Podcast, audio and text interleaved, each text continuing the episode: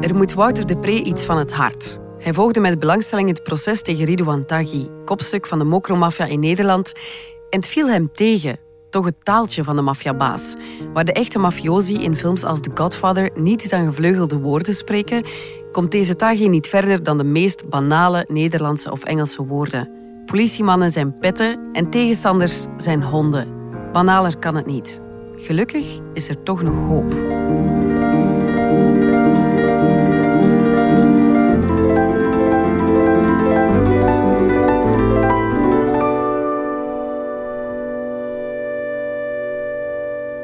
Droeve boeventaal.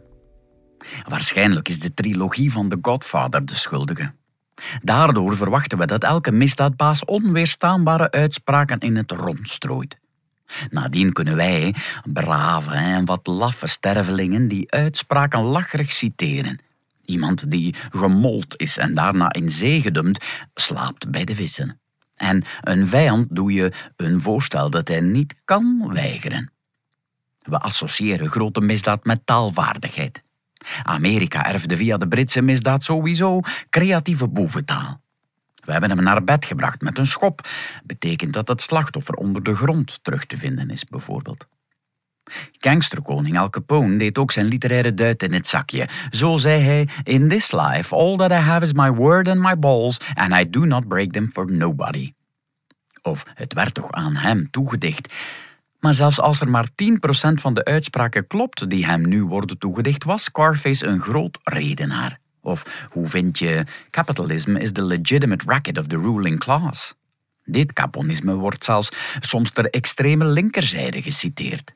Dan heb je het als belastingsontduiker via illegale drankstook en grootleverancier van prostitutie toch gemaakt. Het is logisch dat beroepsmisdadigers opwindende taal moeten kunnen voortbrengen. Het zijn kenners van een vak en het zijn workaholics. De clichés zouden hen dus snel moeten vermoeien. Ze omringen zich voortdurend met collega's. Hun zintuigen staan ook voortdurend op scherp, dus hun concentratie is sterk genoeg. Ze moeten kunnen dreigen, een vruchtbaar taalgenre. Iemand een kopje kleiner maken is bijvoorbeeld des te gruwelijker door het eufemisme. En als leidinggevende moeten de capo's hun lagere bendeleden kunnen motiveren. Is het dramatisch hoogtepunt van elke American footballfilm niet de opzwepende speech van de coach tijdens de rust? Door de kracht van het woord maken de spelers nadien stevast een onoverbrugbare achterstand toch nog miraculeus goed. Mijn verwachtingen voor het proces tegen Ridouan Taghi, kopstuk van de Mokro-mafia, waren dus hoog gespannen.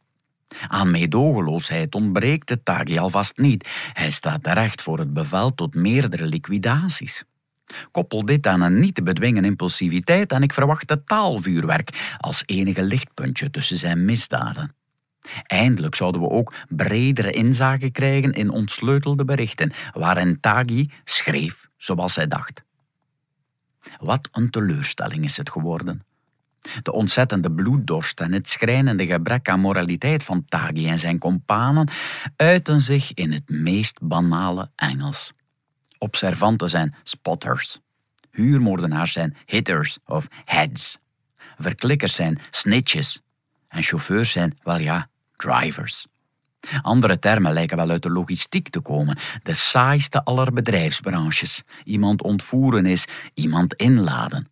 Politiemannen zijn petten. Zelfs de beledigingen zijn banaal. Vijanden zijn een waterhoofd of een hond. En overal zet Tagi KK voor als afkorting voor kanker. Die gaat snel naar hel, is het meestal waardige dat hij neertikt over een toekomstig slachtoffer. En als hij zijn kroongetuige in de rechtbank aanvalt, noemt hij hem een pathologische leugenaar. Psychologengebrabbel, de allerergste non-taal. Al wat je voelt bij het taalgebruik van Tagi is een huiveringwekkende leegte. Heb bloed nodig en niks anders, schrijft hij naar een handlanger, als hij na de eerste moord die hij die dag liet plegen al een tweede aan het plannen is. Het is een nieuwe graad van meedogenloosheid. Zijn moorden bestelde Tagi bij een moordmakelaar. Niet zijn woord, wel zijn daad. En als die moordmakelaar zijn liquidatie slordig uitvoerde, dan krijg je een vergismoord. Ook hier niet het woord van Tagi, maar wel Een bloedstollend neologisme.